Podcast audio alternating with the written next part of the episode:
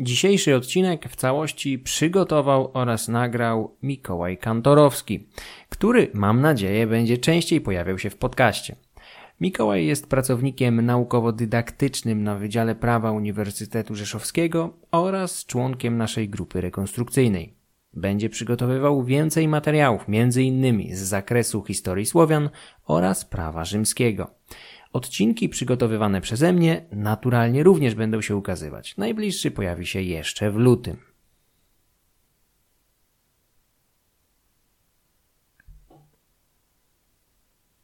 W czasach, gdy nad Morzem Śródziemnym rozkwitały potężne starożytne cywilizacje, dzikie tereny rozpościerające się od lodowatych wybrzeży Bałtyku na północy, aż po niedostępne szczyty Karpat na południu, Swoją tajemniczością pobudzały wyobraźnię historyków i kronikarzy. Niegościnne ziemie porośnięte pierwotnymi puszczami i nieprzebytymi stepami stanowiły naturalne siedlisko wielu dzikich zwierząt i prymitywnych wspólnot ludzkich. Choć dziś te rozległe tereny, znajdujące się pomiędzy Odrą a Dnieprem, szumnie określa się mianem Słowiańszczyzny, to termin ten może sprawiać mylne wrażenie, że Słowianie zamieszkiwali te tereny już od zarania dziejów.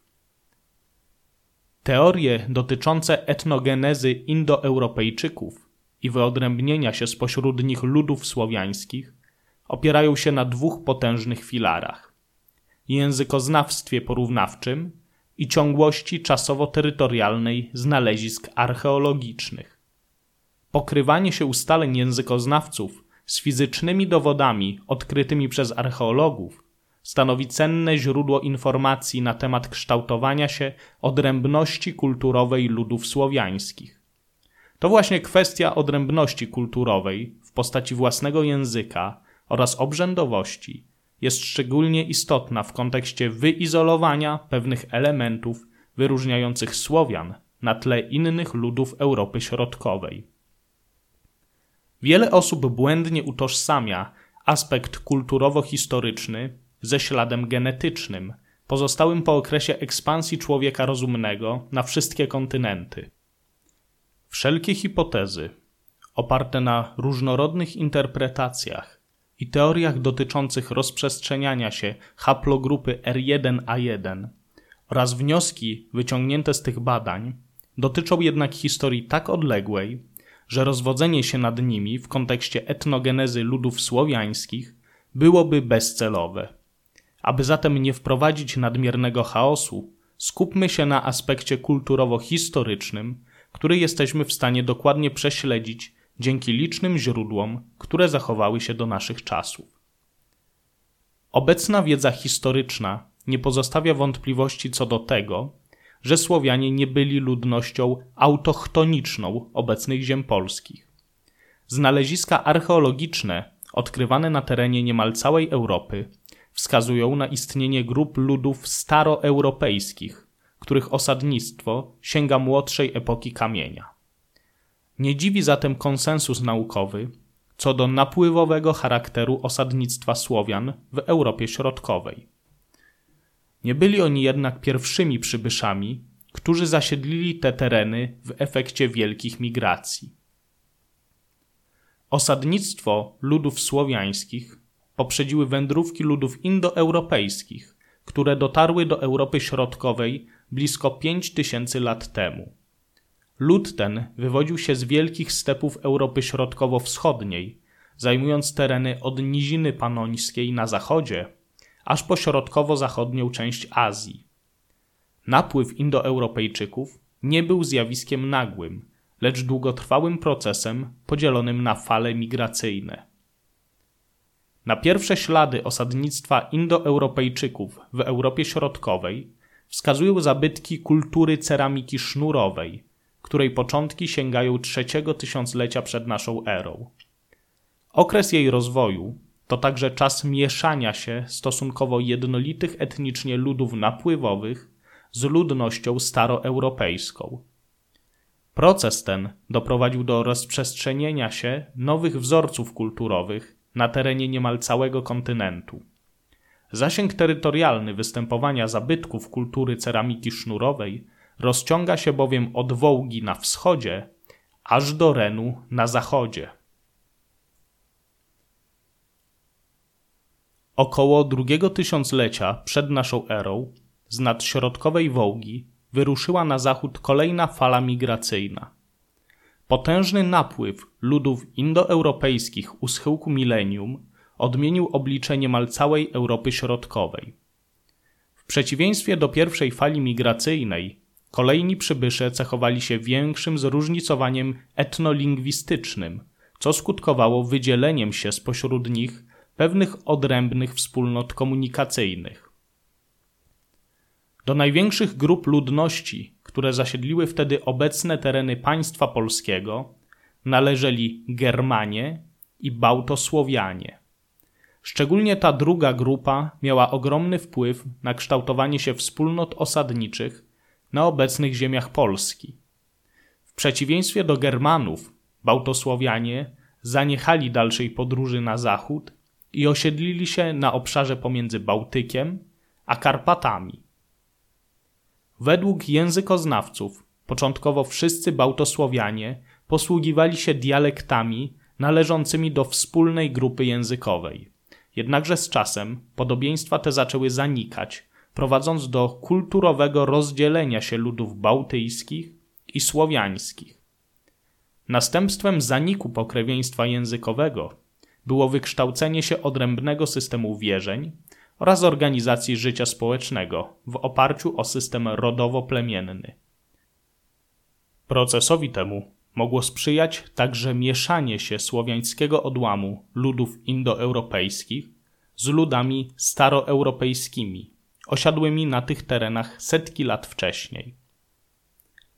Wspólny dla wszystkich Słowian rdzeń kulturowy z biegiem lat rozgałęział się, prowadząc do większego zróżnicowania w obrębie systemu wierzeń oraz organizacji społecznej.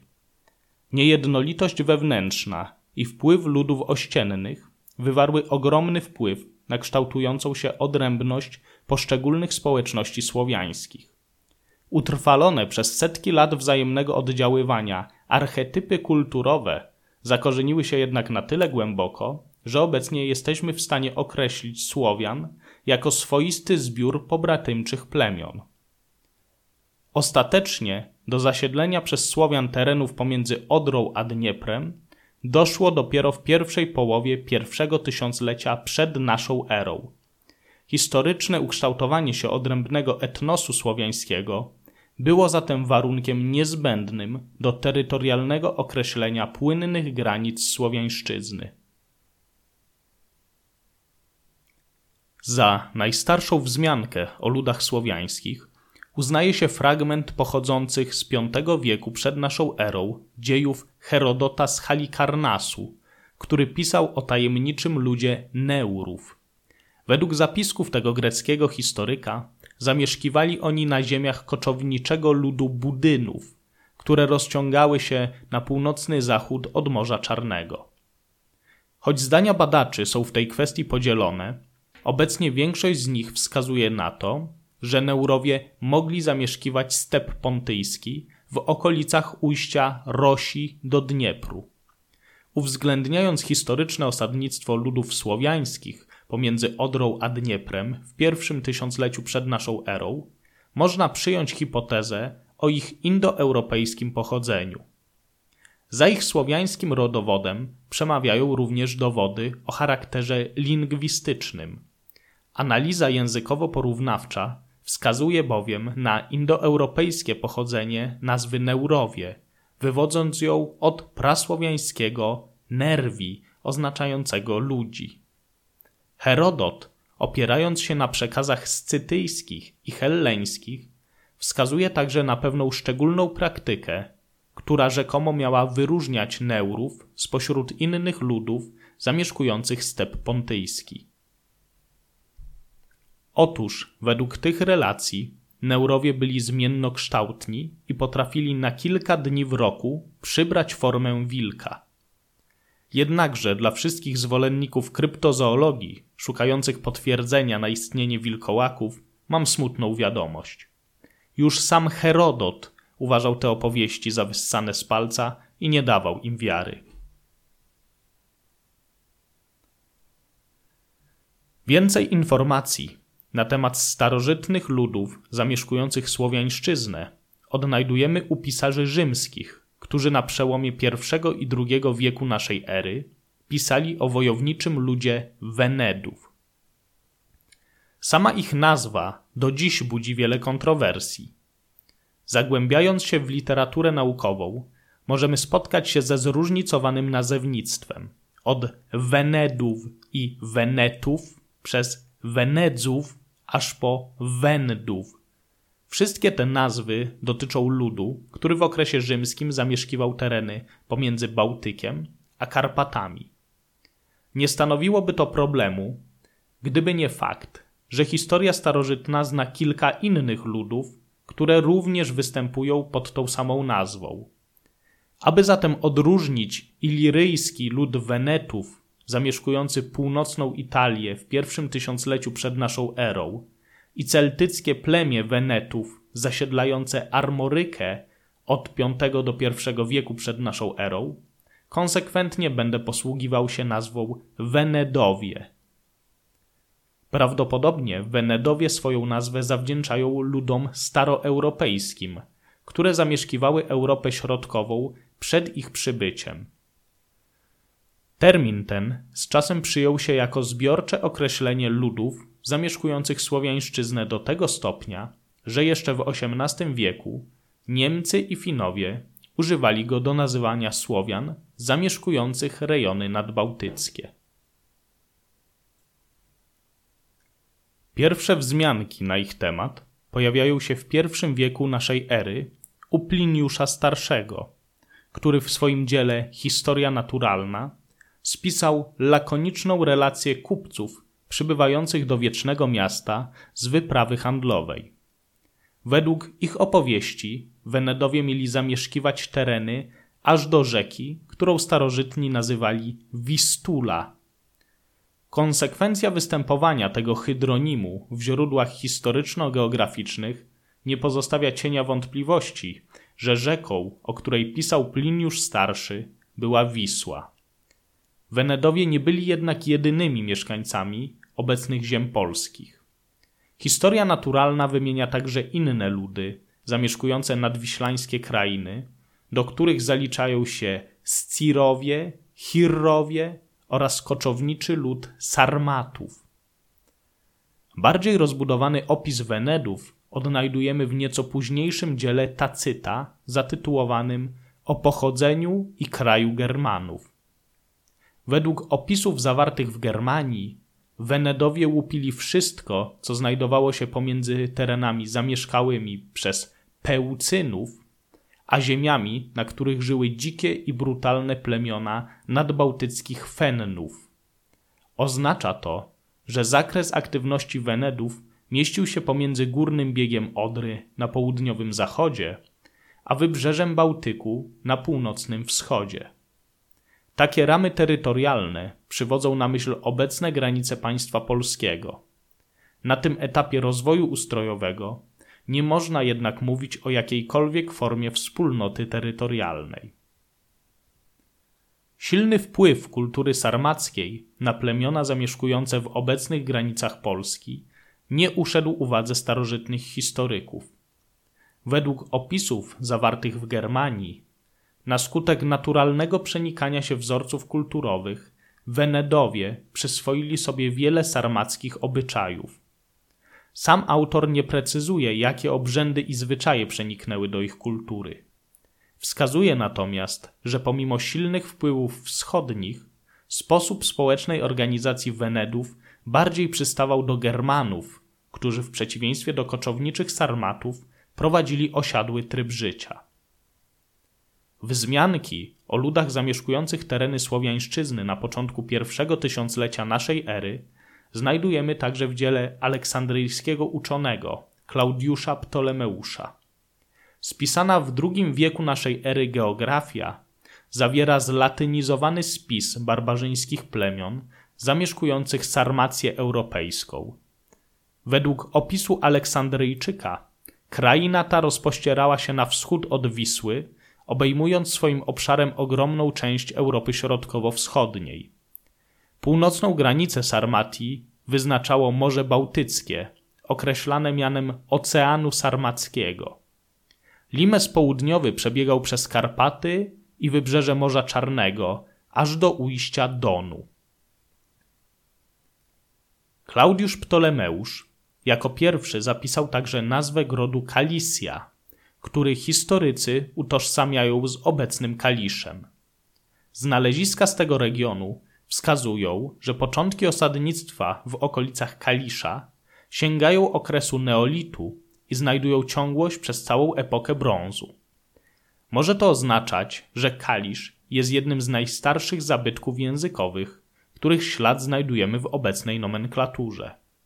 Niektórzy badacze w kontrze do tej teorii wysuwają równie wiarygodne twierdzenia co do ulokowania grodu Kalisja kilkaset kilometrów na południe, w granicach obecnej Słowacji. Sam autor podaje bowiem jako punkt odniesienia dla swoich wytycznych miejscowość Leugariko, która bez cienia wątpliwości identyfikowana jest z miastem Trenczyn w północno-zachodniej części kraju. Rzuca to nieco światła na rzetelność Ptolemeusza, który tereny słowiańszczyzny znał tylko z opowieści. Informacje zawarte w geografii pochodzą w większości od kupców z Europy Południowej, którzy przemierzyli Sarmację Europejską, docierając bursztynowym szlakiem aż nad Zatokę Wenedyjską. Według ich relacji Wenedowie zamieszkiwali północne regiony tej krainy, budując swoje osady na żuławach wiślanych i u wybrzeży Zatoki Gdańskiej. Prócz Wenedów Ptolemeusz wymienia także inne plemiona zamieszkujące Sarmację europejską, podając ich zniekształcone i zlatynizowane nazwy.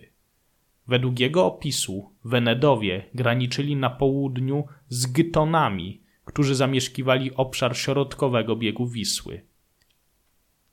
Na wschodzie rozpościerały się ziemie Galindów, Sudinów, Stawanów oraz Alanów, którzy osiedli u podnóży Kaukazu.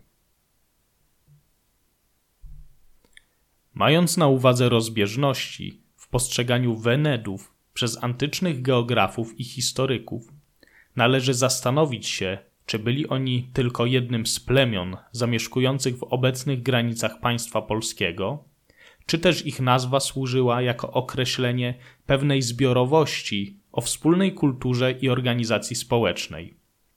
Problem leży zatem na gruncie postawienia znaku równości pomiędzy Wenedami a Słowianami. Zarówno zakres terytorialny występowania ich historycznych siedzib, jak i aspekt kulturowy pozwalają przyjąć z dużą dozą prawdopodobieństwa, że Wenedowie byli ludem słowiańskim. Istnieją jednak głosy wśród historyków o ich germańskich, a nawet celtyckich korzeniach.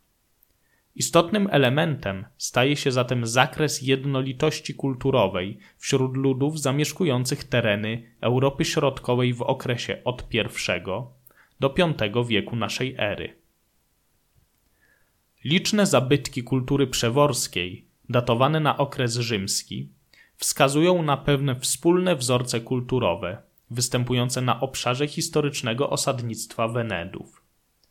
Istnieje możliwość, że podróżnicy, którzy zetknęli się z ludami zamieszkującymi Słowiańszczyznę, nie byli w stanie rozróżnić przedstawicieli różnych plemion i w oparciu o pewne wspólne cechy potraktowali ich jako członków jednej zbiorowości. Wyrazem takiego podejścia mogą być dzieła Tacyta, który pisząc o Wenedach traktuje ich jako jeden lud. Okres osadnictwa Wenedów na ziemiach polskich przypada na rozkwit struktur rodowo-plemiennych. Funkcjonowanie tego ustroju w oparciu o teorię podboju i siłowe rozciąganie własnej zwierzchności nad sąsiadującymi plemionami może być zatem jedną z przyczyn traktowania Wenedów jako swoistego tworu politycznego. Istnieje bowiem możliwość, że Wenedowie stanowili pierwotnie pojedyncze plemię, które na skutek agresywnych działań osiągnęło status lokalnego hegemona, narzucając podbitym plemionom swoją kulturę i zwierzchność. W takiej sytuacji możliwe staje się traktowanie nazwy Wenedowie jako określenia związku plemion zdominowanych przez lud Wenedów. Późniejsze zapiski na temat ludów zamieszkujących Słowiańszczyznę odnajdujemy w dziele o pochodzeniu i czynach Gotów średniowiecznego historyka Jordanesa, który w VI wieku naszej ery opisywał krainy leżące pomiędzy Wisłą a Dniestrem. Źródła archeologiczne potwierdzają osadnictwo ludów słowiańskich na tych terenach. Jordanes wyraźnie rozróżnia jednak Wenedów od Wenetów, przypisując tym drugim szerszy zakres znaczeniowy. Uczony pisał bowiem, że Wenetowie są ludem, z którego wywodzą się Wenedowie, Antowie i Sklawenowie. Pozwala to domniemywać, że w czasach Jordanesa Wenetami nazywano ogół Słowian. Według opisu zawartego w Getice, Wenetowie byli wielkim ludem zamieszkującym rozległe tereny, rozpościerające się na północ od źródeł Wisły i na wschód, aż pod Dniestr. Ważną kwestią, która nie umknęła uwadze Jordanesa, jest to, że sami Wenetowie używali w stosunku do siebie różnych nazw, w zależności od rodu, do którego przynależeli, bądź też miejsca ich zamieszkania. Ludy wenetyjskie, choć należały do wspólnego kręgu kulturowego, były zatem niejednolite. Różnice te były na tyle widoczne dla współczesnych im ludzi, że w źródłach historycznych ulegają rozróżnieniu na Antów oraz Sklawenów. Bizantyjski historyk Prokopiusz z Cezarei w spisanej w VI wieku naszej ery wojnie gockiej także wskazuje na ich wspólne pochodzenie. Jego zdaniem Antowie i Sklawenowie niegdyś posługiwali się jedną wspólną nazwą, która obejmowała szereg plemion wchodzących w ich struktury wewnętrzne. Poglądy przedstawiane przez Jordanesa i Prokopiusza wskazują, że już w VI wieku naszej ery istniała powszechna świadomość dotycząca wspólnego pochodzenia ludów słowiańskich. Z informacji zawartych w dziele o pochodzeniu i czynach Gotów możemy z pewną umowną dokładnością wskazać zasięg występowania obydwu odłamów Wenetów. Zdaniem Jordanesa Sklawenowie zamieszkiwali ziemię pomiędzy grodem zwanym Nowidunum oraz jeziorem Mursjańskim, aż po Dniestr na wschodzie i Wisłę na północy. O ile granice wytyczone przez rzeki nie budzą większych wątpliwości, o tyle ulokowanie tego konkretnego grodu i jeziora jest problematyczne.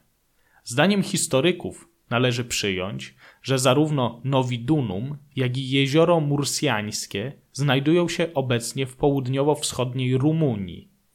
Według tej koncepcji Sklawenowie zajmowali terytoria znajdujące się obecnie w granicach kilku państw europejskich Rumunii, Mołdawii, Ukrainy i południowej Polski. Historycy przyjmują, że to właśnie Sklawenowie poprzez swoje wędrówki na Bałkany dali początek Słowianom południowym. Z dużo większą precyzją możemy wyznaczyć ziemię Antów.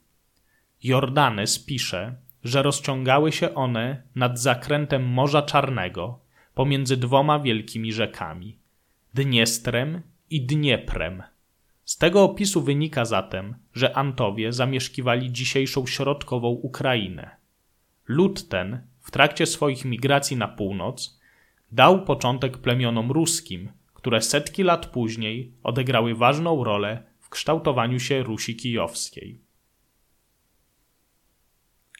Informacje geograficzne podane przez Jordanesa znajdują potwierdzenie u późniejszych pisarzy bizantyjskich. Datowany na przełom VI i VII wieku traktat pseudomaurycego Strategikon opisuje bliskie sąsiedztwo Antów i Sklawenów, których ziemie rozciągają się nad Dniestrem i Dnieprem. Według autora Wenetowie zamieszkują niegościnne tereny pełne rzek, lasów i bagien. Sam Jordanes w Getice wskazywał, że Sklawenowie mają błota i lasy zamiast grodów. Prawdopodobnie wykorzystywali oni podmokłe tereny do działań zaczepno-obronnych. Pewne jest natomiast, że warunki naturalne, w których przyszło im żyć, wymuszały na nich bardziej agresywną postawę wobec ludów ościennych. Ponieważ plemiona Antów i Sklawenów zajmowały tereny graniczące od północy z Cesarstwem Wschodnio-Rzymskim, to zdawali się oni naturalnym zagrożeniem dla ludności tam zamieszkującej. Niegościnne tereny, na których swoje siedziby miały ludy wenetyjskie, sprzyjały rozwojowi gospodarki opartej na grabieży dóbr wyprodukowanych przez cudze siły wytwórcze. Częste najazdy na bogate i urodzajne ziemie sąsiadów stanowiły dla ludów słowiańskich ważne źródło utrzymania i podkreślały ich dominację w regionie. Informacje o zbrojnych wyprawach Antów i Sklawenów na ziemię Cesarstwa Wschodnio-Rzymskiego znajdujemy w historii sekretnej spisanej w VI wieku naszej ery przez Prokopiusza z Cezarei. W swojej kronice opisuje on brutalne wyprawy łupieszcze, jakich za czasów Justyniana Wielkiego dopuszczali się wenetyjscy najeźdźcy. Większość najazdów Antów i Sklawenów dotykała przygranicznych regionów cesarstwa, takich jak Iliria i Tracja. Zdarzały się jednak sytuacje, gdy słowiańskie hordy docierały na Półwysep Bałkański, a nawet pod bramy samego Konstantynopola. W trakcie swoich wypraw wojennych ludy wenetyjskie cechować się miały ogromnym okrucieństwem wobec mieszkańców cesarstwa. Według relacji Prokopiusza z Cezarei, każdy ich najazd nieść miał ze sobą setki tysięcy ofiar, a spustoszone i wyludnione krainy przypominały pustynię. Najeźdźcy niszczyli miasta i wsie, a miejscową ludność brali w niewolę lub nakładali na nią ogromny trybut. Choć straty i zniszczenia podawane przez Prokopiusza z pewnością są zawyżone, to biorąc pod uwagę częstotliwość takich wypraw, Wenetowie musieli być cierniem w stopie cesarstwa. Nie dziwi zatem fakt, że bizantyjski historyk zestawia Antów i Sklawenów niemalże na równi z barbarzyńskimi ludami Hunów i Germanów, które pustoszyły Europę w okresie wielkiej wędrówki ludów. Słowianie nie byli jedynym ludem zamieszkującym ziemię rozciągające się pomiędzy Odrą a Wisłą.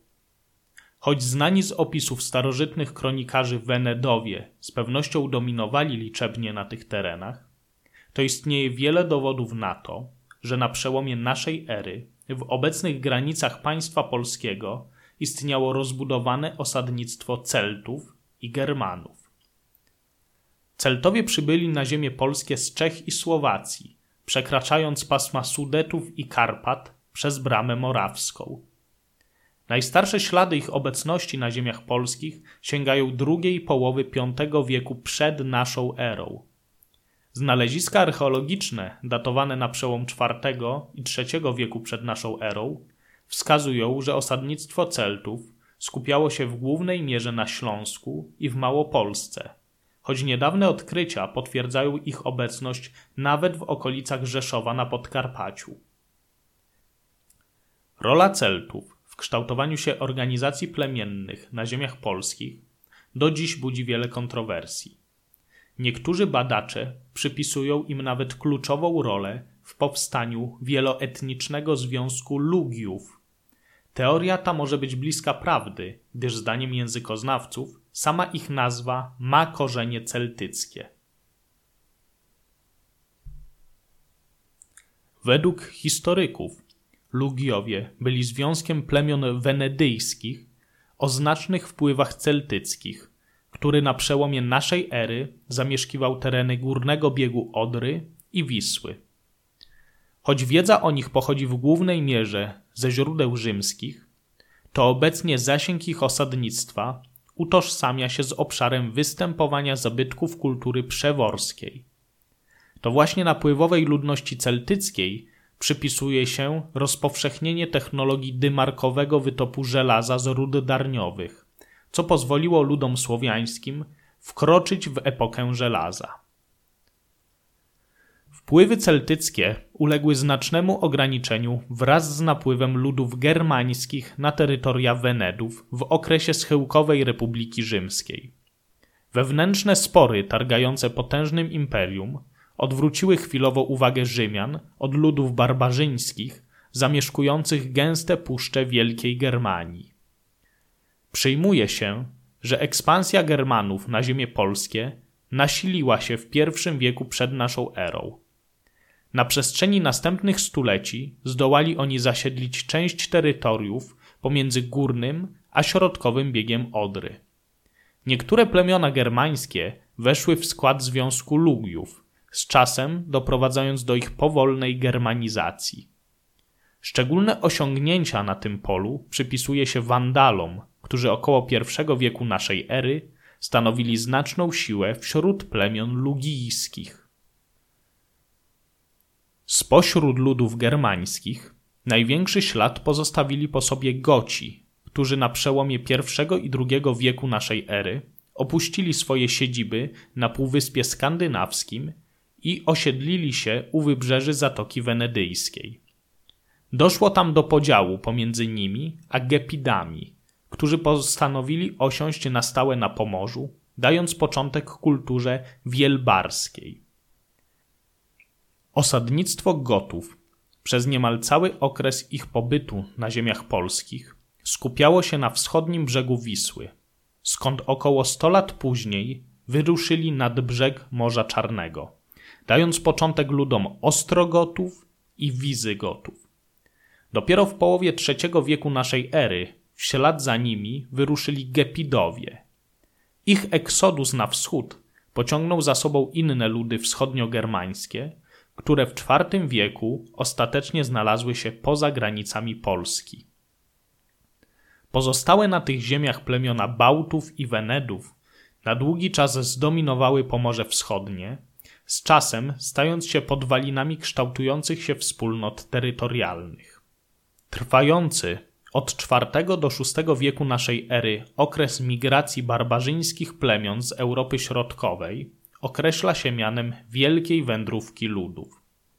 Choć głównymi aktorami tego spektaklu byli Germanowie i koczowniczy Hunowie, to nie należy umniejszać roli Słowian, którzy walnie przyczynili się do rozprzestrzenienia etnosu wenetyjskiego poza pierwotny zasięg kulturowy Słowiańszczyzny. W swojej geografii Jordanes pisał, że Słowianie dzielą się na wschodnich Antów, południowych Sklawenów i północnych Wenedów. Warto zatem przenieść ten podział na grunt naszych rozważań i prześledzić kierunki dalszego rozwoju ludów wenetyjskich, które w VI wieku siały postrach od Bałtyku aż po Morze Czarne. Dalsze dzieje Antów owiane są tajemnicą, jednakże przyjmuje się, że około VII wieku naszej ery wyruszyli oni na północ do źródeł Wołgi, gdzie doszło do ich podziału na liczne plemiona wschodniosłowiańskie. W czasie swoich dalszych wędrówek prawdopodobnie ponownie spotkali się z Wenedami, jednak jest to tylko jedna z wielu teorii. Najpewniej współczesny ślad migracji wojowniczych Antów znaczą narody Rusinów, Białorusinów, Rosjan i Ukraińców, które do dziś zamieszkują Europę Wschodnią. Na początku VII wieku naszej ery Sklawenowie najechali Półwysep Bałkański i po ciężkich walkach z Cesarstwem Wschodnio-Rzymskim osiedli tam na stałe, asymilując zamieszkujące tam ludy iliryjskie i trackie. Napływowa ludność wenetyjska z czasem przyczyniła się do powstania ludów określanych jako Słowianie Południowi, do których zalicza się Serbów, Chorwatów, Słoweńców, Macedończyków i zeslawizowaną ludność bułgarską. Plemiona Wenedów zamieszkujące tereny pomiędzy Odrą a Wisłą na przełomie V i VI wieku naszej ery rozszerzyły swoje terytoria na południe i zachód, wypierając Germanów za Łabę. Wraz z rozwojem wspólnoty terytorialnej uległy one dalszym podziałom, dając początek dwóm potężnym grupom etnicznym.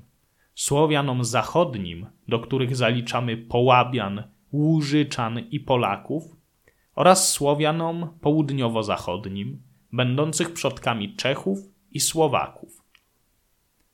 Wewnętrzne przemiany ustrojowe w Europie Środkowo-Wschodniej w okresie wielkiej wędrówki ludów nieodwracalnie wpłynęły na kształtujące się poczucie odrębności plemiennej, z czasem doprowadzając do powstania narodów, które dały początek ruchom państwotwórczym wczesnego średniowiecza. W trakcie tworzenia tego odcinka opierałem się na następujących źródłach. Juliusz Bardach Historia państwa i prawa Polski Tom pierwszy do połowy XV wieku Warszawa, rok 1964 Juliusz Bardach Historia państwa i prawa polskiego Warszawa, rok 1979 Zbigniew Gołąb o pochodzeniu Słowian w świetle faktów językowych. Kraków, rok 2004. Andrzej Kokowski. Starożytna Polska. Warszawa, rok 2005. Andrzej Kokowski. Goci. Od Skandzy do Campi Gotorum. Od Skandynawii do Półwyspu Iberyjskiego. Warszawa, rok 2007. Henryk Łowmiański. Początki Polski. Z dziejów Słowian w pierwszym tysiącleciu naszej ery. Tom pierwszy. Warszawa, rok 1963. Witold Mańczak. Praojczyzna Słowian. Wrocław, rok 1981. Kazimierz Moszyński o sposobach badania kultury materialnej prasłowian. Wrocław, rok 1962. Joanna Porucznik. Beztarnowie. Źródła pisane, a materiały archeologiczne. Wrocław, rok 2014. Michał Szczaniecki. Powszechna historia państwa i prawa. Warszawa, rok 1973. Jerzy Skowronek. Historia Słowian południowych i zachodnich. Warszawa, rok 1988. Jerzy Strzelczyk. Goci. Rzeczywistość i legenda. Warszawa, rok 1984. Jerzy Strzelczyk od prasłowian do Polaków. Kraków, rok 1987. Kazimierz Tymieniecki. Ziemie polskie w starożytności. Poznań, rok 1951. Edward Zwolski. Kasiodor i Jordanes. Historia gocka, czyli scytyjska Europa. Lublin, Rok 1984. Zapraszam do odwiedzenia naszego kanału na YouTube. Podcast Mroczne Wieki można wspierać na patronite.pl łamane na Mroczne Wieki. Serdecznie dziękuję wszystkim patronom, a szczególnie patronce Magdalenie. Filmy będące ekranizacją audycji można oglądać i komentować na YouTube, do czego wszystkich serdecznie zachęcam.